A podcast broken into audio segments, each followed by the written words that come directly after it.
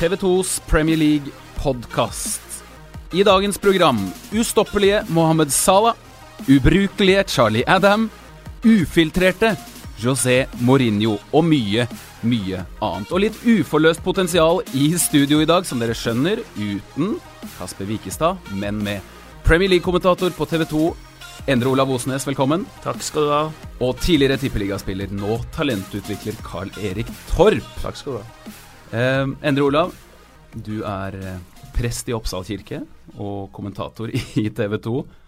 Er du mest prest eller mest kommentator? Det kommer an på hvem som spør. Hvis du spør i eh, menigheten i kirka, så vil de nok si at jeg er eh, fotballkommentator. Og hvis du uh, spør uh, folk i TV 2, så vil de kanskje si at jeg er prest. Da er du presten vår, ja. Men det går litt uh, over i hverandre. Mm. Men er vel mest prest. Det er mange som tror at det å være prest handler om å ha gudstjenester klokka 11 på søndag. Mm. Mm. Men det er mye mer enn det. Og det er mye fotball, masse konfirmanter. Mm. Og alle er United-supportere, faktisk. Det er generasjon Manchester United-supportere. Um, kontortid, da? Jeg vet at som kommentator så har jeg nesten ikke en kontortid. Har man det som prest? Ja Man har vel kontortid, men det er, eh, det er fleksi. Det er eh, arbeidsoppgaver som skal gjøres, og så får man bare krumme nakken og ta de eh, kontortidene man, man trenger. og da har vi fri på, på, mandag og kan prate fotball. Ja, da er det mandagsfri. I, I går var jo da bransjesøndag for, for, prester og kommentatorer. Så er det fri på mandag, og da er det muligheter for podkast. Det er deilig. Da kan vi, da kan vi slippe ned skuldra litt og, og kose oss. Karl Erik, mange kjenner historien din.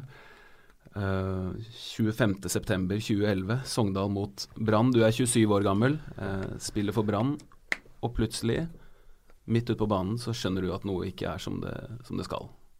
Ja, det, ja, det begynner å bli en stund siden. da mm. Det var i 2011, ja. Nei, jeg, jeg fikk jo en hjertestans da uh, i fotballkamp, så det er, eh, det er, heldigvis ikke så ofte som skjer. Mm. Men det har gått bra.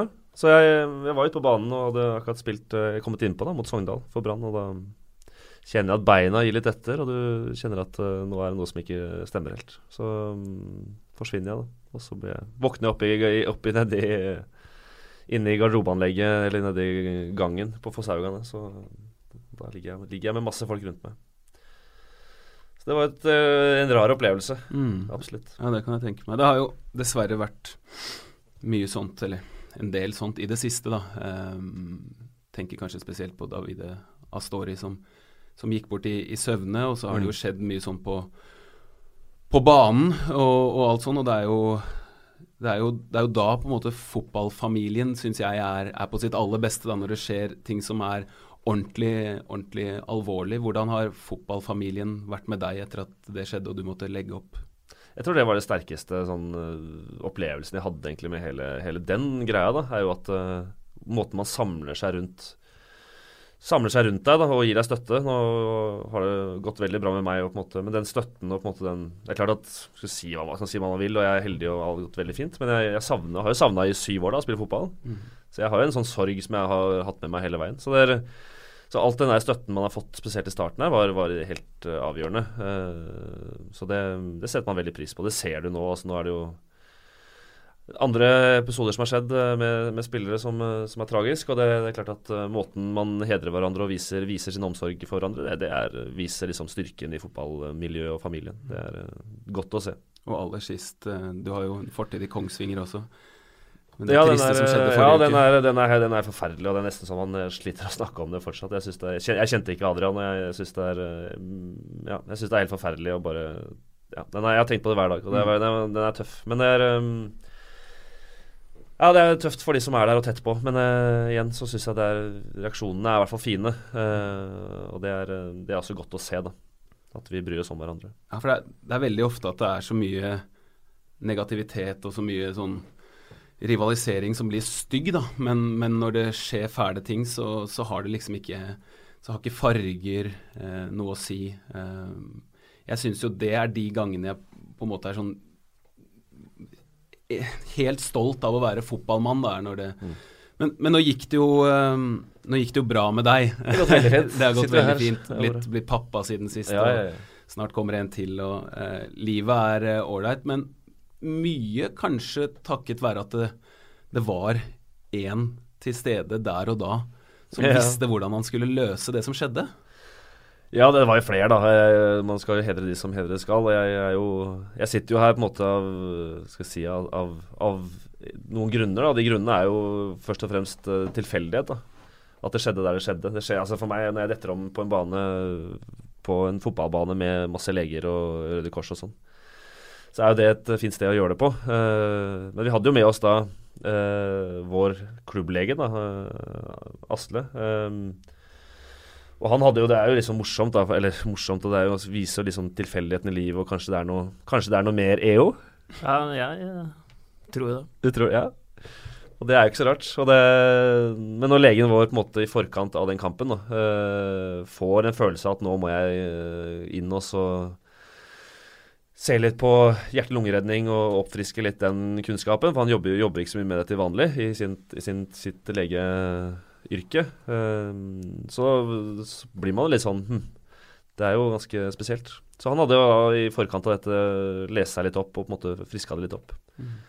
Så det er um, Ikke at det var avgjørende, men det er klart at det, det sier noe. Men det er jo eh, sterkt, de greiene det er og, og ting som skjer med Astori, f.eks. også. Og nå kjenner jo jeg Karl Erik fra, fra gammelt av. Dere har Man spilt får fotball sammen. Vi har spilt fotball, eller jeg er lovlig skorpa mellom junior 2 og junior 1, mens uh, Karl Erik eh, spilte for eh, A-laget. Men um, Og han, og han var yngre enn deg? han var yngre enn meg, og han Og er eh, kom rett fra A-lagstrening iført eh, badebukse og håndkle og var litt småskada mens jeg var på vei til junior 2-trening.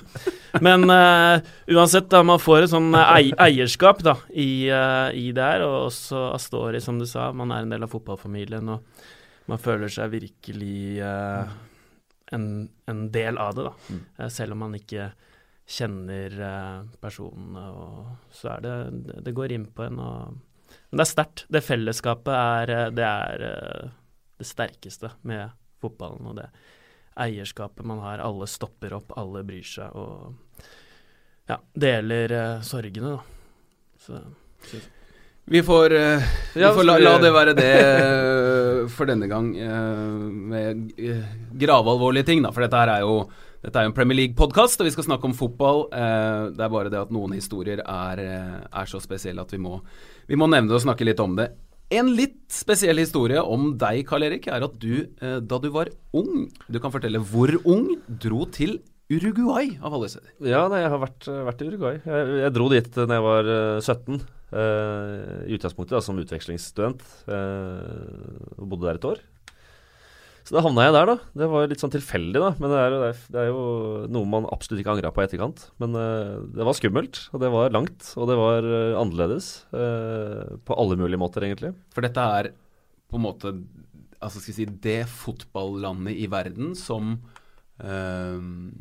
og vi, vi, vi har fått et spørsmål om det. eh, I og med at det tisa at du var. Uruguay-proff, så har det kommet inn et spørsmål som kommer fra eh, Andreas Jensen. Har ikke et formulert spørsmål, men gjerne noe om Uruguay og talenter. Det landet i verden som eksporterer flest utenlandsproffer per innbygger i verden? Spørsmålstegn. Og det er jo sånn Det er jo, det er jo et bitte lite land. Ja, ja. Eh, få folk, men allikevel så mange gode fotballspillere. Hvordan har det seg? Det er ganske utrolig. er, jeg tror det er mellom 3 og 3,5 millioner mennesker.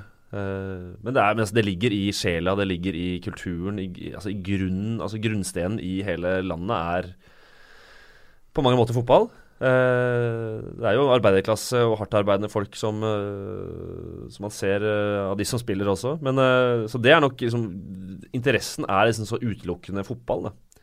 Det er ikke noe konkurranse med noe annet. Det tror jeg er en viktig, veldig viktig faktor. Og så er det en forventning om å Altså Det er ikke noe tvil om hvordan man skal angripe det å bli god. da.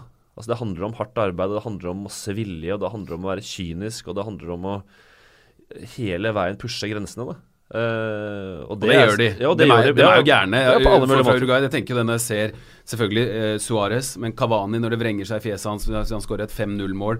Du har de her Miguel Britos, eh, som er klin gæren, som har spilt i serien, som spiller i Watford nå. Gargano, Diego Godin Det er jo det altså, Ja, de, er- de, de, er er- nådeløse, altså. Du, du kjenner igjen en uruguayansk fotballspiller. da. Og, og jeg er nok en av de som det er sikkert mange, mange motstandere og mange som blir irritert, men jeg er en av de som har forsvart Suárez. For jeg, jeg, jeg har en helt annen innsikt i hans utdanning, og man kan si at selvfølgelig har det gått over grensa i noen situasjoner, men, men jeg skjønner hvorfor han har pusla grensen så langt. da. Og de er helt avgjørende for at han har blitt så god. For du drar da ned til Uruguay som uh, utvekslingsstudent, men du har jo et fotballtalent også, ja, så plutselig, hva skjer der? Ja, nei, altså jeg, jeg drar jo ned og, og, litt for å få litt fri fra alt mulig her hjemme, men så spiller jeg fotball, så jeg ender jo opp med ganske kjapt å spille på uh, junior annetlaget til et elitserie, en, altså en eliteserieklubb som heter Deportivo Colonia, i det, i den, i det fylket jeg, jeg bodde i. Så da, ganske kjapt, uh, får de litt øynene opp for meg, for jeg gjorde det ganske bra. Uh, og det var Så derfra og veien opp til å hospitere litt med A-laget og sånn var ganske kort. For det var, et, det var, en liten klubb, altså en ganske amatørmessig klubb, men de spilte nå i øverste nivå.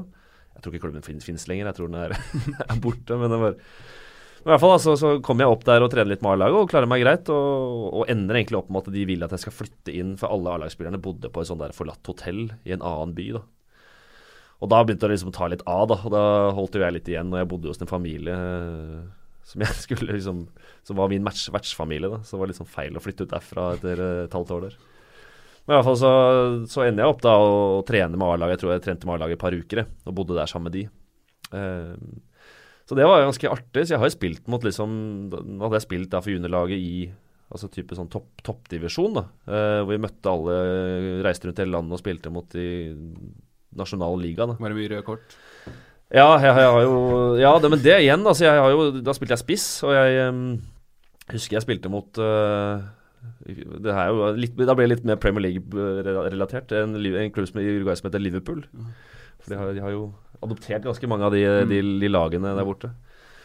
Da husker jeg da jeg, jeg, spilte spiss, og da hadde jeg en stopper mot meg, og han, han var så stygg at man liksom nesten ikke tror det. liksom Tråkka på meg, spytta på meg. Altså Jeg hadde spytteklyser i håret. liksom Hvor gammel er du da? Nei, Da er jeg 17-18 år.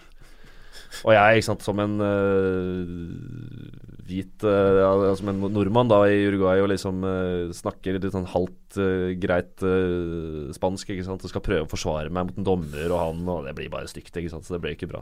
Men altså, det, var, det, var, helt jævlig, altså. altså sånn Vridd i, dratt i håret, lugga, sparka på kly, klypt, altså alle sånne triks fikk jeg jevnt. da Og de likte jo sikkert å, å terge meg òg, for at jeg var litt annerledes. Men så er du veldig nære å spille en ja, nei, ja, og så, så kom jeg opp på, ble jeg tatt opp på A-laget, da så jeg, så jeg, får plutselig beskjed om at jeg skal være med i en kamp uh, for A-laget. da uh, Og det tror jeg ikke så mange andre nordmenn uh, europe, altså Europeere er sikkert noen, men, men, ikke så mange skandinaver i hvert fall som har vært der. Så jeg, jeg fikk jo beskjed da fra han spissen, som var en argentinsk spiss på det laget. Han hadde hadde vært syk hele uka, så han hadde ikke trent noe nesten. Så jeg hadde egentlig fått beskjed om at hvis ikke han starter, hvis ikke han blir klar, så spiller du. Uh, så jeg var jo ganske forberedt på å spille. Dessverre da, så ender det opp med at han uh, melder seg klar og spiller, og så, så står egentlig jeg hele kampen da, og varmer opp sammen med fysiske treneren.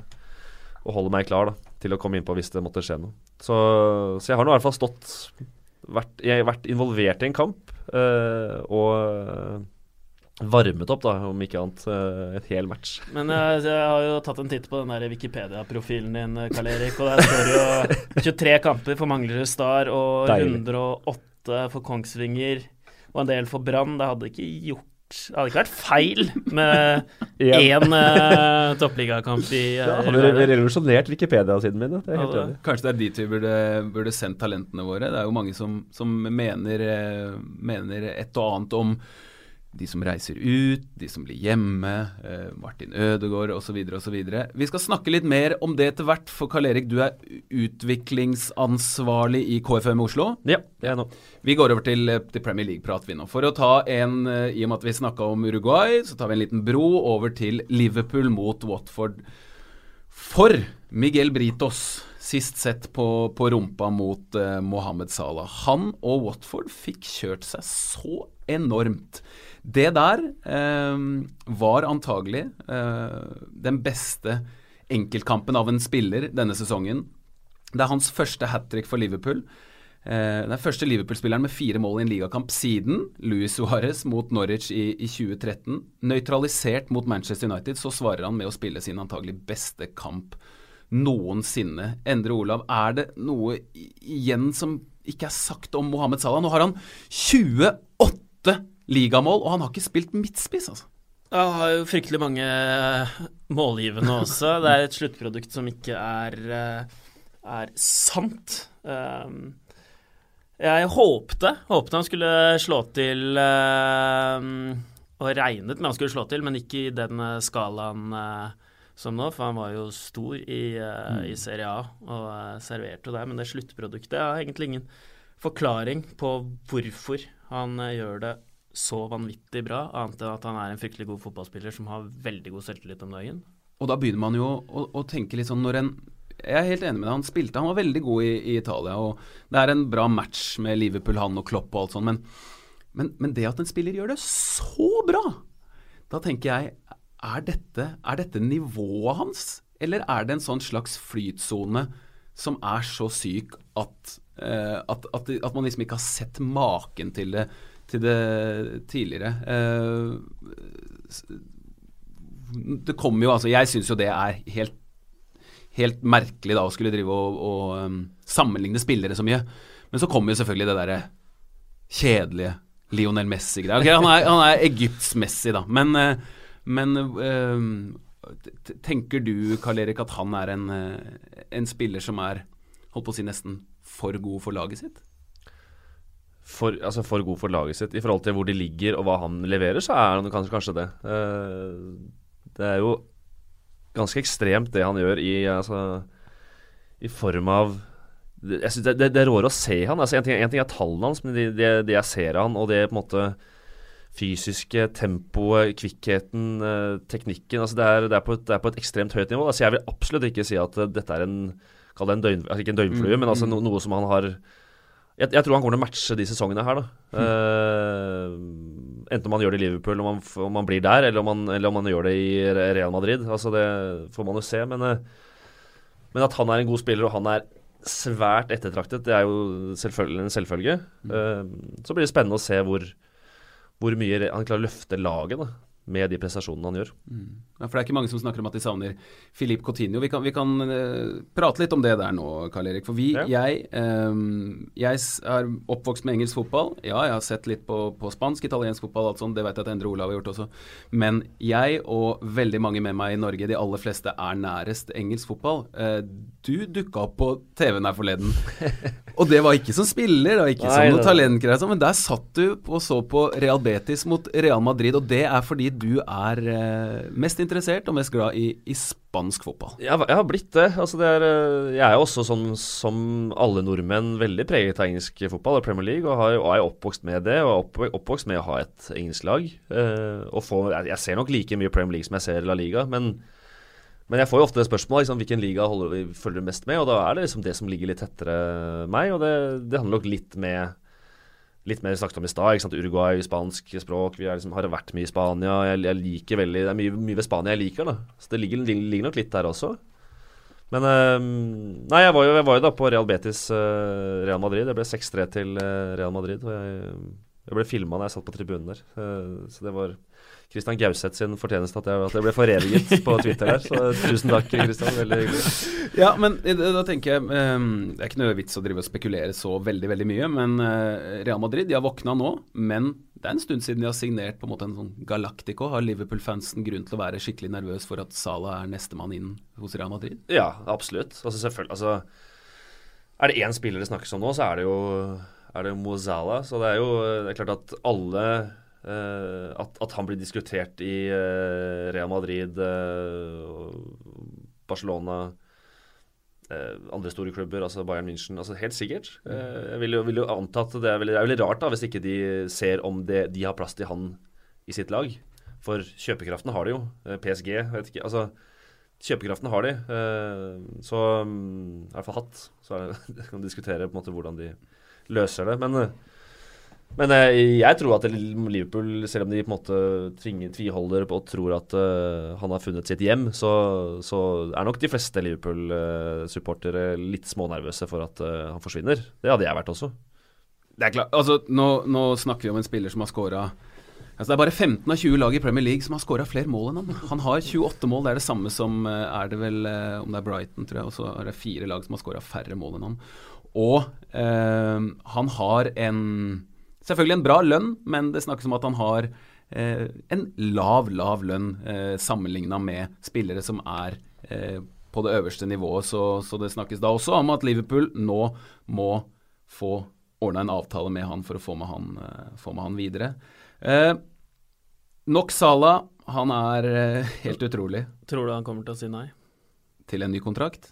Nei, til Real Madrid. Nei, det, det er jo Altså, hans det er jo alltid altså måten de prater på, måten eh, de beste spillerne som har vært i, i nå i både, både, Manchester United, eh, Liverpool, Cristiano Ronaldo, Luis Suárez, Filip Coutinho eh, de, de, snakker jo så varmt om, og det tror jeg de mener også, om klubben de er i akkurat nå. Men når alt kommer til stykket, så, og det tror jeg mer enn i Nord-Europa, rundt omkring i verden så er det to klubber som er øverst på kjeden, og det er Barcelona og Real Madrid. Så veldig vanskelig å si, men det virker som at han er eh, kjapt blitt veldig knytta til klubben og fansen, som Suárez ble, som Cristiano Ronaldo ble i Manchester United. Men aldri godt å si. Eh, det som er spennende der, er jo på en måte hans, altså, Nå gå litt inn i hodet hans, da.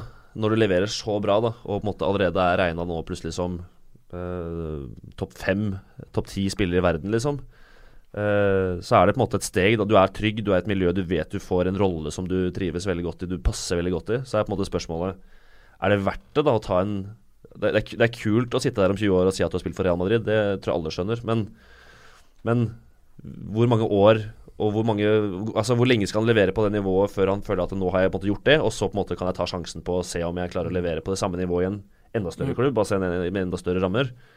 Så, um, så, det er tror jeg, en spennende greie da, som man ikke får svaret på, egentlig, men det er et sideinnspill. Og så virker det jo som at uh, Klopp, hvis man ser både på måten han har klart å hente spillere, og måten han har klart å få spillere til å tro på hans uh, fotball, er flink. Eh, han, har, han, har, tiltrekningskraft da, som, ja. som, man ikke skal kimse av. Så eh, uansett veldig spennende. Og så har det blitt spilt, eh, og, og, der hvor det egentlig er viktigere Liverpool De ser ut som de har, eh, i og med at de har et greit program, brukbar kontroll på, på topp fire. Eh, Crystal Palace Huddersfield. Eh, det var en viktig kamp. Den ble prata opp mye. Alexander Sørloth spilte ikke, han var skada.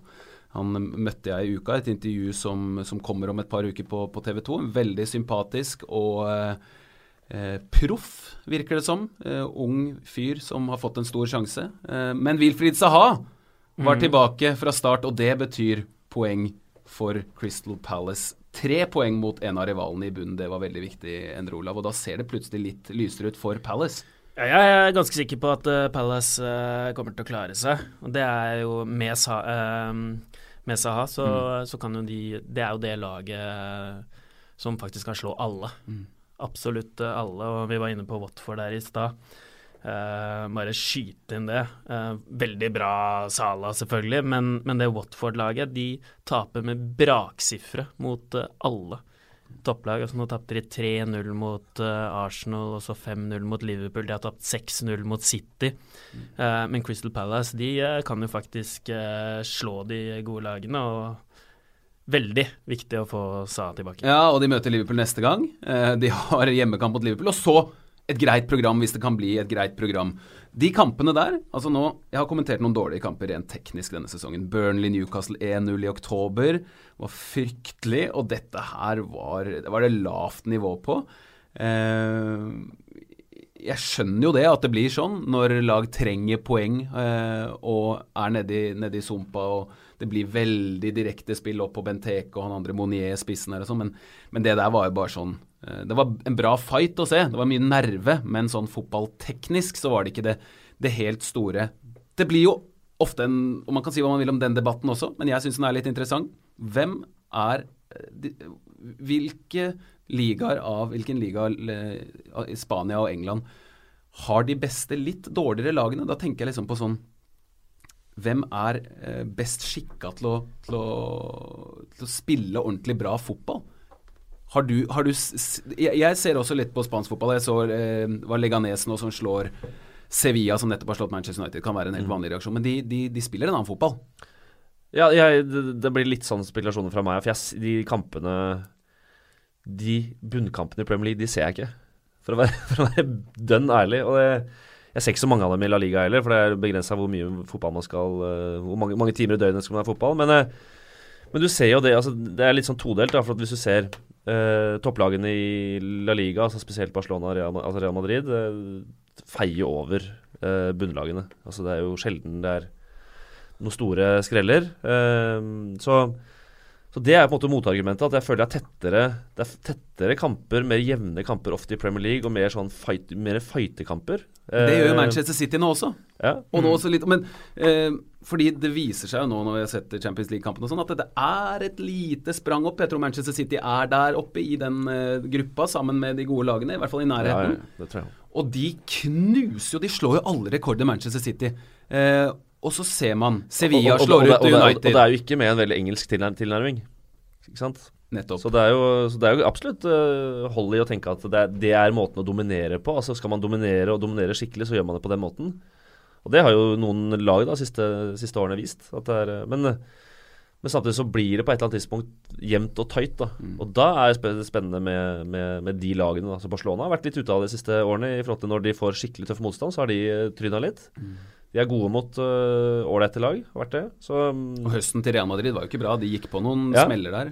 Ja, de, ja, de har vært, vært dårlige nå, ja, ikke sant. Så nå, nå har de tatt seg opp, men det er, mm, det er, jo, det er, jo, det er jo tett og jevnt. Og jeg, jeg tror absolutt at øh, skal du se som fotballmann, da Skal vi tenke det, legge litt til siden øh, rivaliseringen som ofte er mellom disse fem ligaene og Premier League, La Liga spesielt, så så ville jeg, jeg Jeg føler jeg lærer mye av å se på Du blir overrasket da over nivået på lavere klubber i La Liga. Eh, bunnlagene der som har eh, De prøver ofte på det samme som topplagene. Da. Og Det er kanskje største forskjellen fra, fra England og, og Spania. At de gjør mye av det samme. Eh, I England så må man forholde seg til at de er i en posisjon hvor de spiller enkelt og, og Det er løser klart på De må jo gjøre det. Jeg ser den nå når de møter hverandre. Men det er så veldig påfallende at man setter på én kanal, så ser det sånn ut. Så drar man til et annet land, setter på den kanalen, og så er det, det er nesten en annen sport. Ja, men det er, det er kult, det er, dette er kultur, og dette er hva man er oppvokst med, hva man, hva man verdsetter ved spillet. ikke sant? Altså, jeg tror Vi snakket om det i stad, så hva er det vi, vi, vi som kultur, eller hva er det vi har fått med oss fra England, så er det jo eh, type filming, da. Og jeg er jo veldig enig i den filmingdebatten, og på en måte det er eh, fy-fy. og det er uh, ikke noe pett å se på, men, men, men det er klart at jeg tror det er diskutert mye mer i Norge da, enn det blir diskutert i Spania. Eller i England. For at det, er, det, er, det er en engelskkulturen. Det er liksom Du er Altså Det er pinlig, ikke sant. Du, er, du blir ledd ut. Du, du blir hakka på i neste match hvis du har vært litt, vært litt sånn Ikke ufin, for det tåler. Takler de stygge taklinger og trøkke til. Det er helt ok. Men hvis du på en måte har filma litt og kjører den, så, så blir du pirka på hele et, et, etterkant. Så, og det er jo jeg for, men jeg, bare, jeg tror det er stor forskjell. da på en, Nå hoppa jeg litt på det, da, men jeg, Ja, jeg syns det, det det er ganske interessant. For det, er, det er to forskjellige Den kulturen har vi med oss, da, veldig. Mm. Uh, at vi skal, vi, skal være, vi skal være harde, og vi skal tøffe, og vi skal krige og takle og løpe og sånn. Det, eh, det ligger i bånn. Men den har jo ikke spanjolen på samme måten. Så der tror jeg er en av de største forskjellene her. Mm. Ja, det, det, det tror jeg absolutt også. Det, du jobber jo med, med unge spillere i en klubb, KFM Oslo, som har eh, som eh, en av få klubber en ganske klar og tydelig identitet. Eh, det, det, spilles eh, mer langs bakken der enn der hvor vi kommer fra, enn Olav, i Kjelsås f.eks., hvor det har, vært litt, litt enklere. da. Vi har veldig sjelden blitt fortalt akkurat hvordan vi skal spille langs bakken og alt sånn. Vi ble jo flasket opp av Stig Mathisen, og han eh, sa at det ikke var en halv vi ikke hadde hatt eh, ballen i taket på i Norge. Så det var eh, radikalt forskjellig. Men, men, hva, men lærer du er, du er du opptatt, personlig opptatt av å lære disse gutta oppå Ekeberg å spille eh, hva skal jeg si, mer sydlandsk fotball? Ja, jeg, altså jeg, KFM har en tydelig filosofi. Nå har jeg jobbet i Brann i seks-sju år da, som spilleutvikler der og trener for lag, så jeg har jo, det er på en måte jeg har jobbet mest og har tydelige tanker om på en måte hvordan, eh, hvordan utviklingsarbeid bør foregå. Men samtidig så er det viktig å på en måte ikke låse seg i en retning. Da. Eh, det viktigste vi kan lære unge spillere, er at de skal ta gode valg og forholde seg til situasjoner og på en måte leve de best mulig eh, med forskjellige ferdigheter. Så det handler om å ha så Vi snakker om verktøykassa. da, Har, har masse verktøy oppi verktøykassa, så man kan dra fram det rette verktøyet i, i de forskjellige situasjonene. Jeg, jeg er ikke så ekstrem at jeg mener at det skal være enten sånn eller sånn, men jeg, men jeg tror at man bør i hvert fall variere. da. Jeg tror det er ikke lurt å, å bare spille gode, gamle 2000-tall Kjelsås-fotball, eh, eller, eh, eller det andre. Men sånn trenings... eh, David Bentley han ga seg jo tidlig, og så sa han jo at eh, han syntes det ble så kjedelig å spille fotball etter hvert. fordi i starten så tente de på olabuksene til hverandre i garderoben og sånt. Og så, og så skulle alle bli så gode, da. Eh, eh, etter hvert. Eh, Men så, den derre trenings... Alle skal bli så gode nå. Du dro jo på språkkurs til Uruguay når du var 17 år, og du ble jo en god fotballspiller allikevel. Men uh, den, det lurer jeg på, da. Sånn treningsmengder og hva Ja, nei, sier det debatten. det, det, Jeg skulle ta et egen, egen pod om det. Ok. Eh, Vi kan starte det. Men jeg tror, ja, vi kan ikke starte en egen podkast om det. Det har vært, det har vært litt kult. Men eh, nei, jeg tror, jeg tror strikken er, er strukket ganske langt da, i forhold til uh, profesjonalisering. Selv om den strekkes jo ganske mye lenger hele tiden. Og den er jo i ferd med å bli strukket lenger. Men jeg, jeg tror du mister I den prosessen så mister du Du mister Altså, jeg snakket om det. Paul Gascoigne, kun, Mm. altså Erik Mykland. Kunne de eh, Kvisevik. Mm. Eh, kunne de blitt eh, fotballspillere i dag, liksom?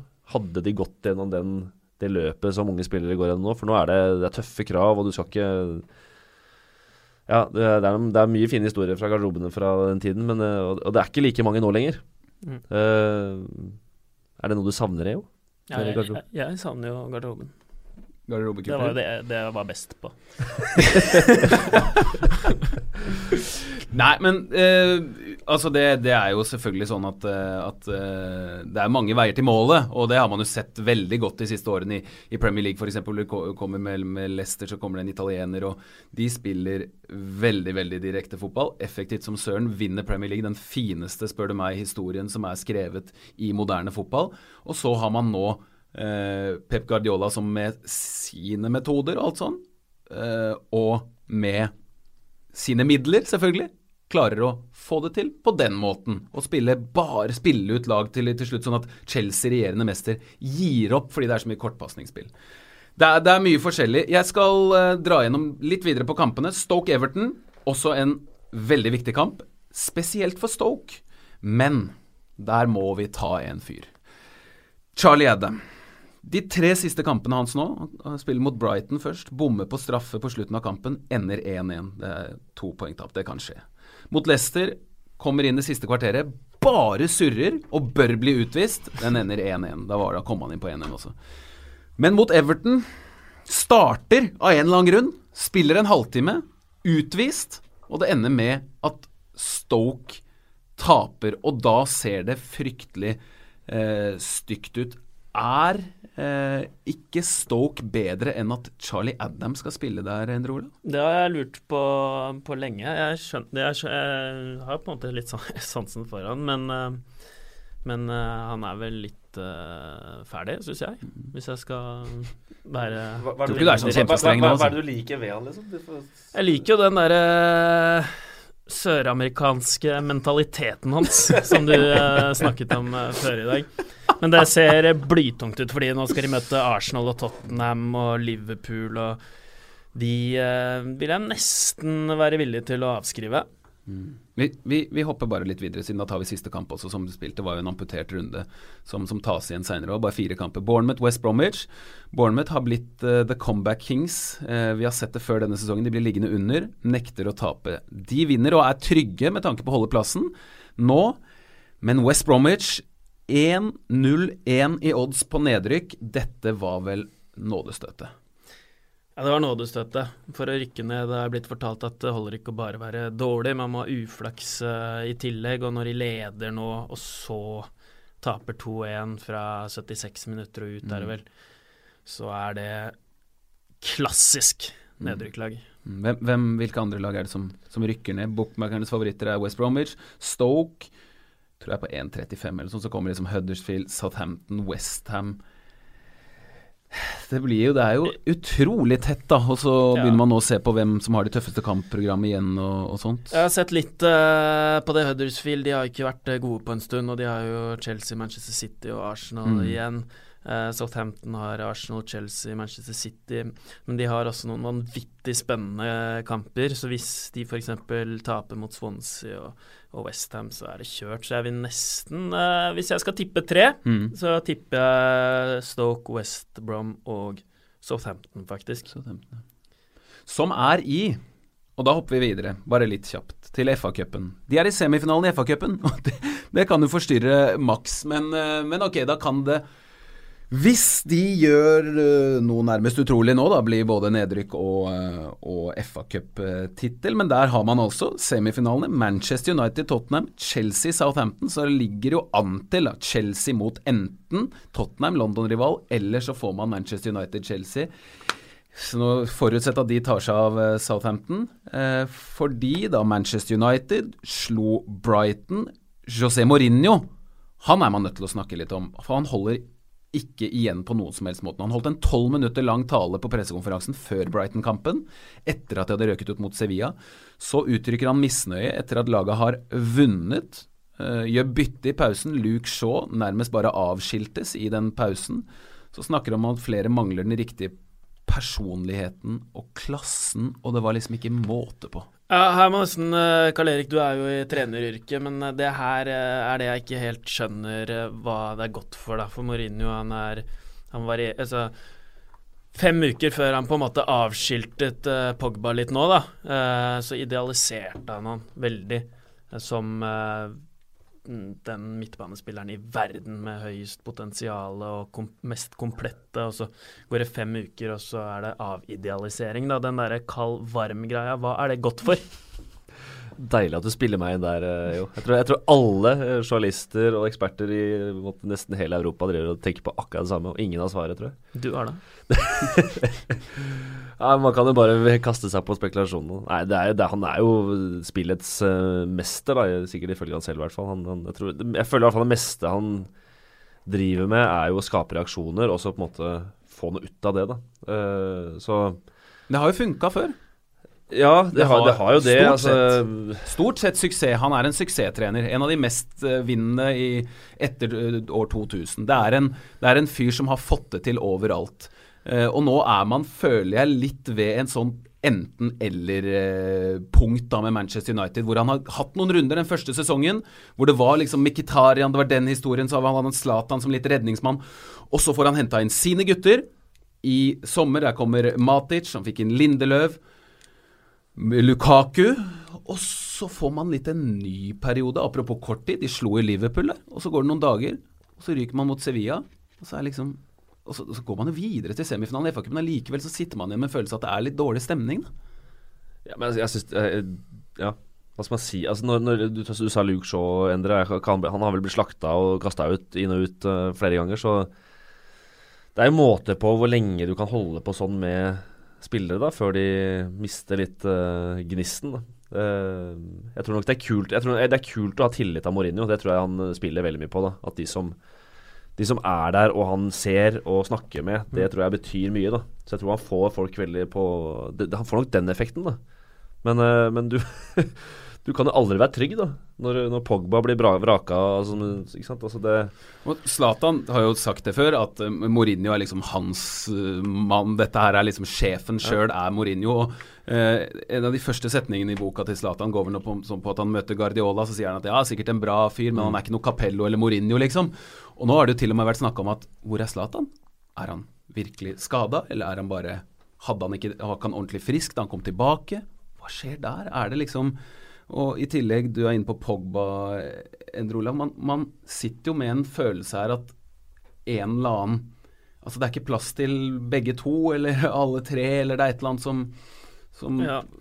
Nei, jeg, jeg, jeg, tror kanskje at uh, Mourinho egentlig har gjort det han alltid, alltid gjør, uh, og har lyktes med det. Men nå har uh, kanskje fotballen gått et skritt videre, da. Og så er er eh, Guardiola mye mer raffinert, og da mm, kommer rett og slett Mourinho litt, eh, litt i kort. Men eh, en opplevelse bare, Når jeg satt og så Sevilla-kampen, og det var spennende på slutten så satt jeg faktisk og fikk vondt i magen. Jeg har aldri vært, hatt sterk syke selv som fotballspiller, men jeg bare tenkte på Tenk å komme inn i den kampen her.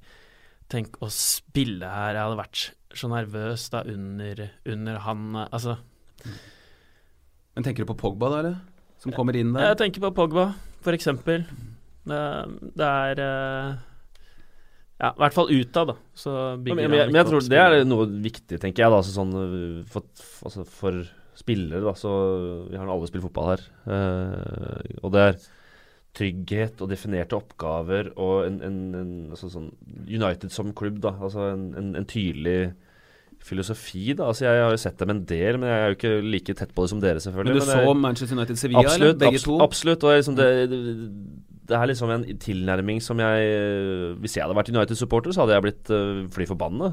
For jeg bare, det er og Jeg har sett mye Sevilla og, og på en måte har klare tanker om hvordan jeg ville spilt mot dem. da Og, og det er jo på en måte For de ryker jo, de ryker de Stygge tap Ja, altså- rundt hele Rundt United-kampen så har de stygge tap. Ja, men det, men det er lag som har gått høyt på dem og pressa dem og på en måte gått i strupen på dem, og så ser du United gjør helt det motsatte. Så det er, det er sånn merkelig sånn merkelig inngang, spør du meg, da, sånn faglig, sånn fotballfaglig. Og så, så tenker jeg sånn, sånn United som klubb bør jo være sånn tydelig på sånn spiller vi fotball, sånn er vi.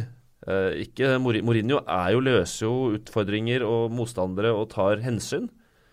Eh, spillerne, da, som plutselig en kamp har den oppgaven, og så neste kamp så har man en helt annen oppgave. Det, er, det skaper jo ikke trygghet, det. da. Det skaper jo ikke akkurat uh, forutsigbarhet i forhold til det man skal gjøre. Jeg kan ikke noe for at jeg tenker litt på, apropos det du er inne på, Endre Olav, at da Mourinho kom fram og kom opp, så var det ok, selvfølgelig alltid har fotballspillere blitt dyrka veldig mye og sånn, men, men den generasjonen som, som er nå, og som han har å gjøre med nå, de eh, har pga. hvordan med sosiale medier og alt sånt ting er i dag, en helt annet press på seg, en helt annen oppmerksomhet, en helt annen sånn Alt det andre som foregår så mye, og så skal man komme på banen, og der skal man høre og gjøre akkurat det han sier, for det er ganske å, å, å bli med på det greiene der Hvis man gjør det, så har jeg trua på det. Hvis man gjør det, så har jeg trua på det. Men kanskje at det liksom ikke er nødvendigvis fotballen, at fotballen har blitt for bra for ham, men at det er spillerne i dag som er litt vanskeligere å få til å gjøre de litt kjipe tingene da, som kanskje funka for ti år siden. Ja, det kan absolutt stemme. Tror, og så tror jeg at det er Den wow-faktoren er jo litt borte òg, da.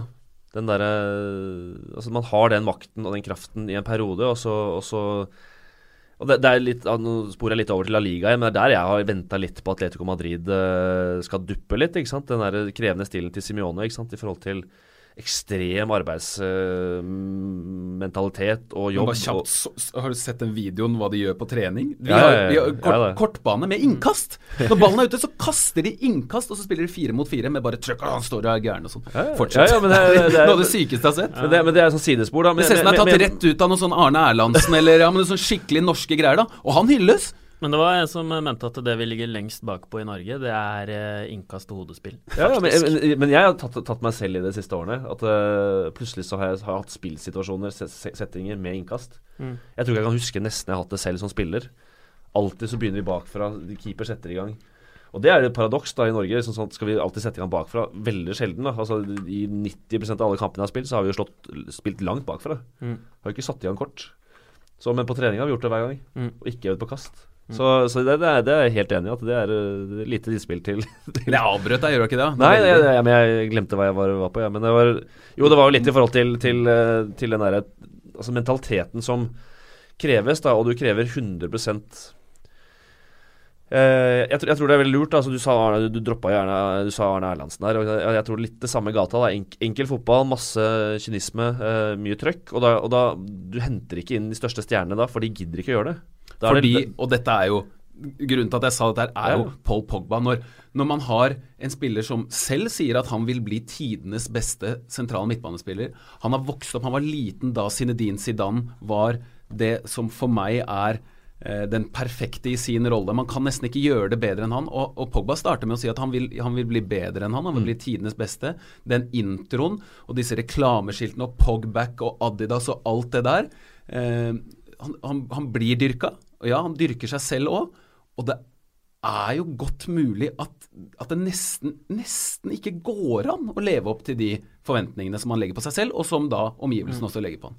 ja, og så har du prislappen og hele alt det greiene som er eh, nesten umenneskelig da, å, å håndtere. Jeg syns det er trist å se, for jeg syns han virker som en veldig veldig fin fyr. Eh, Da han var i Italia, så gikk praten på at han var veldig proff. Hver dag jobba målretta for at han skulle bli best. Og han har jo hatt kamper i høst og i vinter hvor Uh, hvor han bare var liksom sånn helt på De Bruyne-nivå, og det var, uh, var snakk om at han var jo helt oppe der uh, Han måtte stå over en del kamper pga. skade, men da han var tilbake, så var han god. Det er ikke lenge siden, det er bare fem-seks uker siden Mourinho sa at eh, Pogba var Mm. utrolig profesjonell og responderte på å bli vraka så glimrende, elsket å trene, var glad i å trene og responderte helt riktig på det.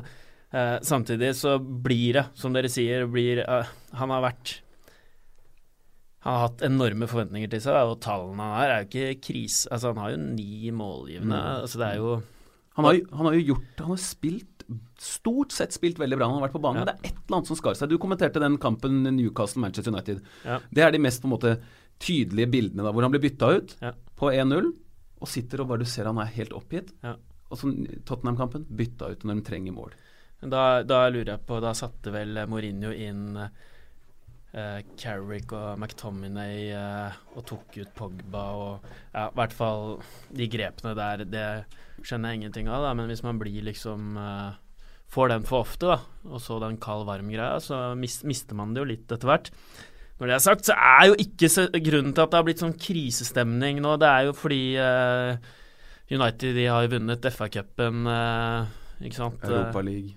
Europa League Ligacup De er på andreplass i Premier League, mm, det og, det. Eh, men det var liksom og, mot, Bak et suverent lag. Ja, og det var Champions League da som var halmstrået, og så mm. ryker de mot Sevilla, og de gjør én eh, veldig dårlig kamp der, da. Eh, og man ser jo for seg at de vinner. FA-cupen er det noe Mourinho faktisk har vært bra på, sånn spesielt etter hvert.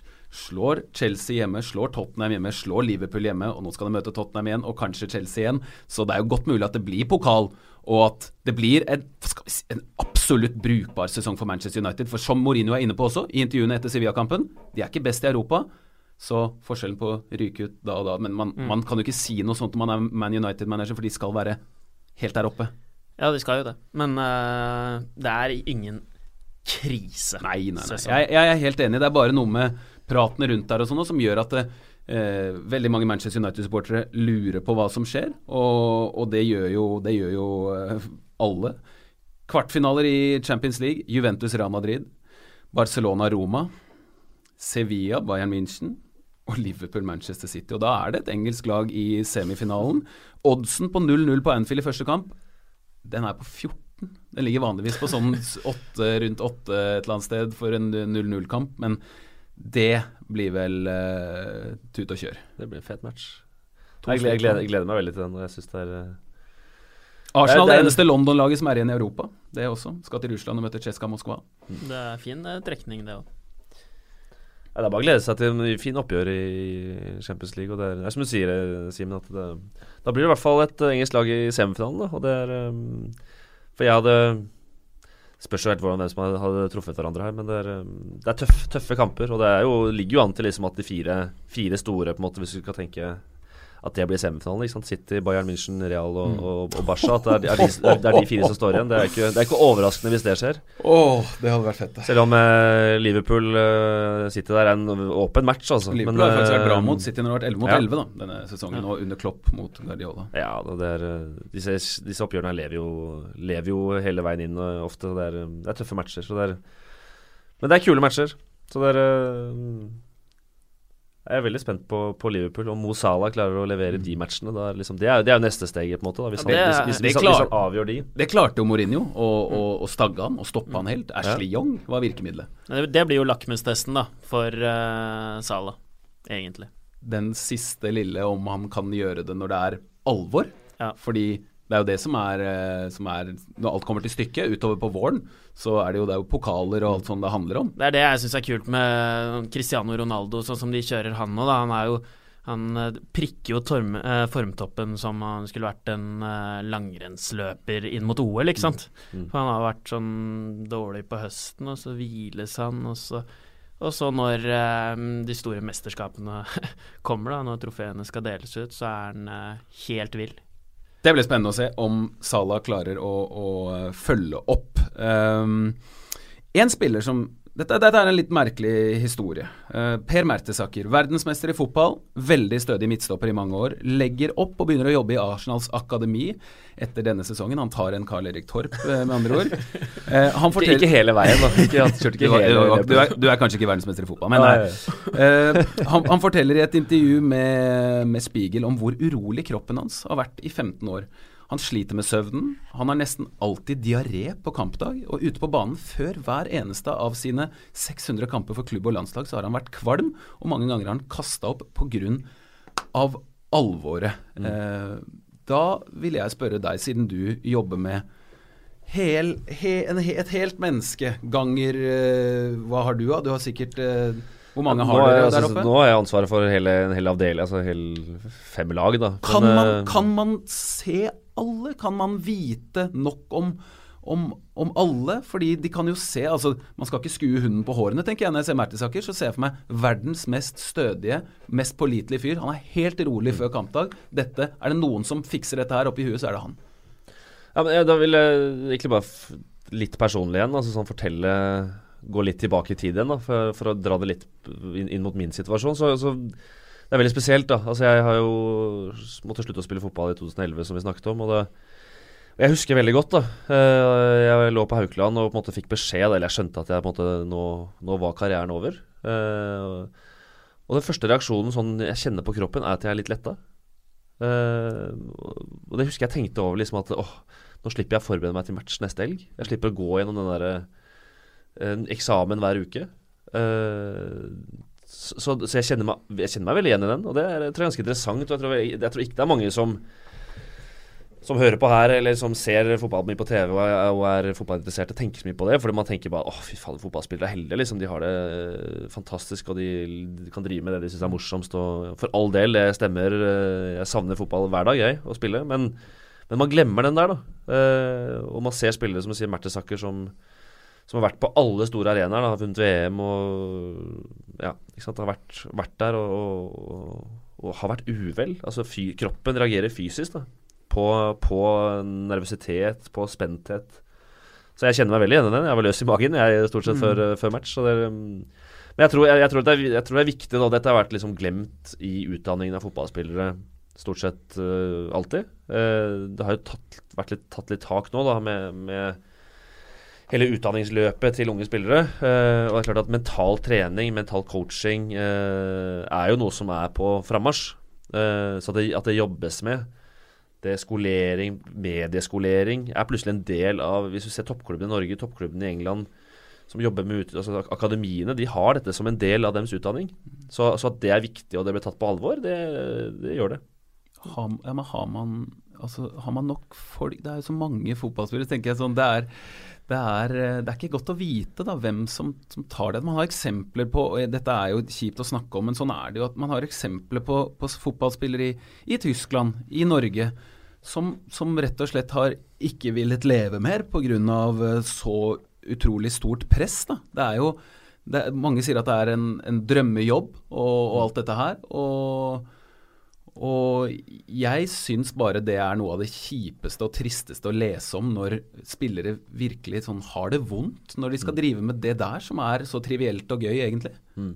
Ja, nei, det, er, det, er jo, det, er, jo, litt uforståelig på mange måter, men samtidig så, så er det forståelig, fordi man, man, klarer å sette seg litt inn i situasjonen. Men det er, det er jo helt umulig, og, og, og dette her er veldig mange man ikke tenker over og vet om, og, i det hele tatt kommer ut. Uh, så er det dette med misbruk, da. ikke sant? Altså Diverse misbruk av alkohol og diverse ting som, er, som, kan bli, redd, som blir redningen for mange. ikke sant? Og selvfølgelig banen. banen. Men um, det er, eh, det er, som vi snakket om i stad, strikken er strukket så langt, da, og presset er så stort. Det er så mye penger. Det er så, mye, det er så mange som bryr seg. Eh, det er så mange Går du på gata, går du på butikken for disse spillerne her vi snakker om, så ja, de kan nesten ikke gå der, ikke sant. Så um, at presset er eh, umenneskelig, det, det, det er jeg ganske sikker på. Um, det er jo lett altså, Hvis man bare ser helt vanlige jobber, eh, ni til fire-jobber, hvor mange som faktisk uh, kjenner på prestasjonspress og, og det stresset uh, rundt der, og så skal man bære så mange supporteres uh, ja, følelser da, på sine forventninger, på sine skuldre, så er jo det Det er Det er jo egentlig logisk at, eh, at, det blir sånn. Og det er jo det man nå, som er underkommunisert, er jo at det her er jo unge gutter. Eh, jeg er 34, jeg føler eh, fortsatt at de som spiller der, er mye eldre enn meg. Det er vel en sånn uh, greie, men det er unge gutter, og så skal de ha det vanvittige presset her. Og så bare Hvis jeg skal gå og ha en gudstjeneste da, med 80 stykker, så, så blir jeg skikkelig nervøs. Uh, så det er uh, Og nå, jeg har bare spilt andredivisjonsfotball, Jeg vet jeg, at du har vært mye nervøs. jeg har vært masse nervøs, eh, og jeg, jeg grua meg til hver eneste kamp, ja. Eh, Men det var én sesong som var veldig bra. Da hadde vi eh, PK Hagen, faktisk, på, på feltet, og han bare gikk rundt og snakket. Han spurte sånn ja, 'Åssen går det? Hva skal du hjem og spise til middag i dag?' Du hadde og, en som, en som går og «Åssen har du det?» koseprater, egentlig. Ja, Mm. og da ble det, da ble det bra. Men jeg, jeg tenker jo på uh, at når da, da kan det jo også hende at For trenere er jo på feltet. Ser spillere hver eneste dag. Og da kan de være helt avslappa og bare kose seg. Og da tenker en trener han må jeg bruke, han skal spille. Og så kommer kampen, Mm. og så klarer han ikke. Ja, nei, jeg, har vært, jeg, har vært, i- jeg har vært i Brann, som jeg snakket om. Og det er, der snakkes det om stadionmonstre. Liksom, at det er veldig mange spillere som choker eh, når de kommer på kamp på fullsatt eh, Brann stadion. Og der er det 15 000, ikke sant. Så snakker vi om arenaer her. Og det er ikke sånn at eh, jeg eh, som har spilt i tippeliga, eller, altså, e- eller forskjellen meg som menneske er ikke noe forskjell på Nå skal jeg ikke sammenligne meg med Mo Salah, men altså, det, er jo det er jo mennesker. Det er klart at uh, de er jo ikke bygd noe annerledes enn deg og meg. Så at, at, at det er et press, selv om man leser Messi, da, det er helt ufor- uforståelig. Ronaldo altså Man tenker at De er jo laget av noe helt annet, men de er jo ikke det. Så at de, at de, de går igjennom perioder øh, når man ikke presterer så godt og har det litt tøft, så at det, at det går beintøft inn på dem, det er ikke noe tvil om. Vi, vi bare vi, får mye fine innspill. Dette her er eh, Dette er um, noe av det som er artigst med denne podkasten, er at folk melder seg på, stiller spørsmål på Twitter. Vi har noe som heter Twitterhjørnet. Vi tar et par, par spørsmål der. Vi har, vi har kommet med, med noen. Eh, jeg var inne på at kanskje altså, Huddersfield Crystal Palace var, eh, var syltynt eh, sånn fotballmessig og en spennende kamp, men så får jeg spørsmål. Hva er årets sesongens kuleste kamp? Hva er, hva er årets? Han snakker vel om sesongens beste kamp hittil. Tobias Øyen spør om det. Har du en favoritt fra denne sesongen, Endre Olav? Personlig favoritt uh, har jeg. Det var eh, første onside-kamp jeg eh, kommenterte i England, og det var eh, Huddersfield eh, Manchester United. Kom dagen før og fikk litt følelser for byen Huddersfield. For det var en liten by, og folk hadde forventninger og nyopprykka lag. Og så leverte de en vanvittig prestasjon. Vant eh, 2-1. Og når jeg bare sto på kommentatorplass da, og tribunene rista og de sto og sang, så var det enormt sterkt, da. Litt sånn once in a lifetime, Ja. både, for dem og deg. Men eh, kult sånn uh, uh, I spenning, intensitet, alt sånn, så har jeg har to Egentlig, man kan jo si den, den er jo veldig bra, den Liverpool-Manchester City-kampen. Det blir syv mål og alt sånn, men det er kanskje det ikke Det var ikke så innmari spennende før helt på slutten, men Chelsea borte mot Arsenal, Mm. den som ender uavgjort til slutt, hvor det bare bølger hele veien helt fra starten, og kanskje, syns jeg, Arsenal-Manchester United, som ender 1-3, hvor det kanskje burde blitt eh, 5-4 til Arsenal, eller noe sånt, hvor David De Gea er en gud mellom stengene. Eh, Den eh, Det var vel da Bare nå har jeg et uh, Liverpool-Tottenham uh, syns jeg var eh, 2-2-kampen. også den mot var- slutten der hvor det tok Den, av. ja, den berg-og-dal-banereisen eh, på slutten der, og da var jo Salah veldig involvert, og det var jo en straffebom og en straffeskåring. Det var kanskje i hvert fall de beste sånn 15 minuttene Mm. med fotballunderholdning jeg har hatt uh, de siste årene. Johannes Georg Asp sier rett og slett 'snakk litt om Christian Eriksen'. Og det kan vi gjøre. Nordens beste fotballspiller, er vi, er vi enige om det? Hvor god er Christian Eriksen, sånn hvis man sammenligner med, med de aller, aller beste? Han leverer på et knallhøyt nivå. Jeg synes det, ja, det er ikke noen tvil om at han er Nordens beste spiller eh, per nå. Og det, er, det er også litt sånn spennende i forhold til hva er eh, Blir det et neste steg på han et eller annet eh, i en eller annen gang? Um, Det kan det jo bli. Ja, det, men det er også veldig Det er spennende. Jeg har jo sett, sett Tottenham ganske mye, og jeg syns det er Han passer jo ekstremt godt inn der, da, med, med de han har rundt seg, og har, er jo en relasjonsspiller, så han um, Men samtidig så har han jo levert bra på landslaget også, og, og har jo vært delaktig at de kom, kom seg til VM, så det er eh, Han er fet. Og jeg, jeg, jeg, jeg var, i, jeg var i Odense med noen yngre lag for et uh, par år siden, og da hang det store bilder av han på, på veggen der. Han er uh, dems uh, egenutviklet spiller, så han Og han dro innom Ajax. Han har gått liksom den, den, veien som på en måte veldig mange snakker om at er den riktige og gode veien. ikke sant? Altså et godt, godt, godt skolert i et godt akademi i Danmark, videre til Nederland, og så på en måte derfra, derfra til England. Så det er har, vi, har, vi, har, gode spillere i Nederland nå. Vi har eh, ja. to i Herenfen. Vi har en i, som spesielt Vi har noen i, i Belgia. Vi har uh, Sigurd Roste der som har uh, tatt en litt sånn merkelig lang vei. Men vi har også Sander Berge som, som kanskje er vår uh, neste store.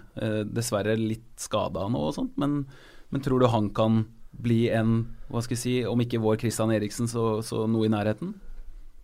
Altså bare, bare når, når, Sevilla så tydelig har signalisert at de vil hente han nå i, i et år, så, så er, det jo, er, det jo, noe, er det jo noe der. Jeg har ikke sett ham nok til å kunne være helt trygg på det, og, og, det er vanskelig å si. Det er en ung spiller som, som uh, Men det jeg har hørt da fra miljøet, og det når vi, når vi sier, sier, han her, så er det en fascinerende spiller som, som tar alle nivåer. da At De har snakket med rundt han sier at liksom han har vært den dårligste på trening første treninga, og så har det gått en uke, og så har han vært den beste. Og det, har på en måte vært, det var den første gang på landslag, og det var den første gang i Vålerenga, og det var den første gang altså, og Sånne spillere er jo Det er de som er spennende. Da, for at du, kaster den inn, du har en på prøvespill, eller du tar den opp fra juniorlaget opp på a og så bare Nei, han er ikke god nok. Og så bare Ja, han er ålreit. Og så plutselig så bare Han er best. Mm. Ikke sant? På kort tid. Og det er fascinerende. Så det, det blir jo knallspennende med han da, å se. Ja, eh, fysikken hans er jo uh, helt rå. Han er jo uh, griserask, han er uh, høy, han er sterk. Uh, så å ta neste steg gir jo på en måte mening. Mm. Kanskje han blir å se i Premier League en vakker dag. Jeg håper det. Eh, Pål Gulbrandsen, du må spørre Endre Osnes om hans to favorittuttrykk som han har med i hver eneste kamp han kommenterer. På kontoret og det dyvåte håndkleet. Eh, er dette bare noe som kommer av seg sjæl, eller jeg, jeg, vet jo at du er glad i å bruke litt metaforer og, og sånt. Hva er det som Hvor er det du henter det fra? Jeg henter det fra litt uh, rundt omkring, men det derre uh, dyve... Altså, det er jo egentlig å kaste inn håndkle, uh, og så kan man da forsterke det uttrykket, og da blir jo det det dyvåte håndkleet. Eh, mulig jeg må legge av meg det etter hvert nå, fordi nå er det sånn der eh, på Twitter og sånt Ja, i dag I det 75. minutt så kom det dyvåte håndkle. Folk sitter Men, og better hvilket minutt det er. Ja, så jeg må roe ned på den. På kontoret er jo eh, Den syns jeg er bra. Men den bruker du mye om når det er inne i eget felt, og noen ja. klarerer eller noe Ja, for da er man på jobb. Da skriver man ut fakturaer. Da tar man inn honoraret. Så den syns jeg er fin. Så kommer det Det kommer nå en ny for kontoret. Den skal jeg erstatte med at uh, denne Kane er i sitt naturlige habitat i boksen. så den blir bra. Og så er det noen som ikke er i sitt uh, naturlige habitat noen ja. ganger og sånt. Men ja. bra greier. Kasper Vikestad, han har jo alltid en gjennomgang av fun facts fra Bill Edgar, som er The Times dypt forstyrrede kuriosa-nerd. Og vi tar noen i dag òg for Kasper. Arsenals syv siste. Aldri skjedd! Første gang siden er den sjette spilleren. Fun factsene til Bill Edgar. Denne helgen, da har det kommet uh, nye greier fra Bill Edgar. Tre ganger i 2018 har hjemmelaget vunnet etter å ha ligget under med ett kvarter igjen å spille. Og hver gang er det Bournemouth som har gjort det. Mot Arsenal, Stoke og nå West Bromwich. Hm. Så det er jo faktisk også noe man kan vurdere å legge en slant på hvis man ser at West, nei, Bournemouth ligger under med et kvarter igjen på hjemmebane. Gode mm. sjanser fortsatt. Mohammed Salah er bare den tredje spilleren siden Premier League-starten i 1992 som skårer to mål med hvert bein i én en enkeltkamp. De to andre er Jimmy Floyd Hasselbank for 18 år siden og Andrej Arshavin, også det på Anfield, oi, oi. mot Liverpool i 2009. Eh, litt fra cupen To forskjellige steder skåret dansker med drakt nummer 23 i det 62. minutt. Høibjerg for Tottenham og Eriksen Nei, for Southampton og Eriksen for Tottenham. Og apropos Eriksen, høyrebeinte Eriksen skåra med venstre fra utsiden av 16-meteren. Og venstrebeinte Erik Lamela skåra med høyre fra utsiden av 16-meteren. Og det er første gangen Tottenham-spiller har gjort, sier Bill Edgar. Eh, vi skal over til en annen fast spalte. Det var moro å se på. Morata var kjempegod. Hva i all verden? Er Han snakka om seg sjæl, han snakka om dommeren. Ukens kaktus. Jeg mener det er vanskelig å komme unna Charlie Adam her. Er det noen innspill på det? Er det noen som har noen, eh, noen verre? Nei, jeg er bare overrasket over at han fortsatt uh, spiller. Fordi uh, i forrige sesong så ble han jo ganske avskrevet uh, en periode, da trodde jeg han var Men han, han biter seg fast. Ukens blomst. Der har du nominert en Everton-spiller. Det har jeg. det har Jeg Jeg har nominert Cenk Tosun, som uh, fikk beskjed om at han måtte akklimatisere seg litt uh, først. Han syntes det var så kaldt å spille fotball når det regnet.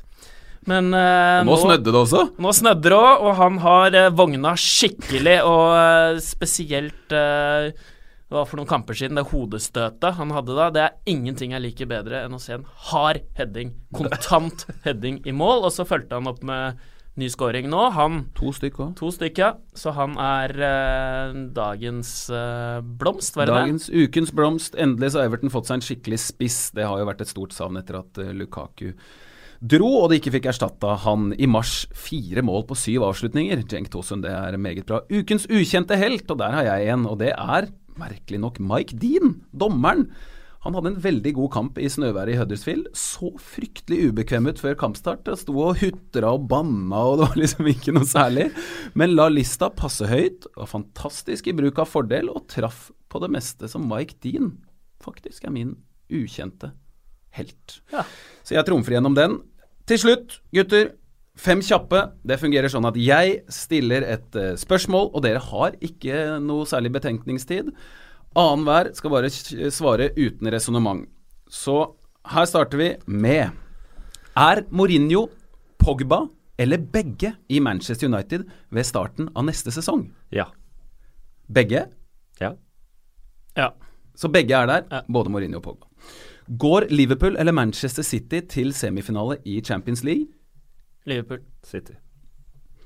Hvilket lag vinner FA-cupen? Oi, nå ble jeg Eon måtte ha den først. Det er jo uh, ingen som veit, men jeg sier Manchester United. Ingen som veit det, nei! sier Manchester United. Ja, det ødela jeg hele spolta, men jeg, jeg, jeg, jeg sier United, jeg, selvfølgelig. Men jeg bare, sånn det er det alle.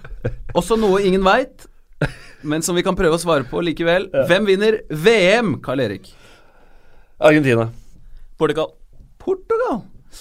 Vinner Norge mot Australia på fredag? Ja. Ja. Oi, oi, Litt kjedelig. det var veldig kjedelig, men det var litt En kamp som TV 2 sender klokka 18. Tim Cahill på norsk jord. Eh, Så de som ikke får sett på plass, Få se den på TV 2. Tusen takk til guttene Torp og Osnes. Takk til deg som hørte på. Takk til Moderne Media, som produserer denne podkasten. Og riktig god påske til alle.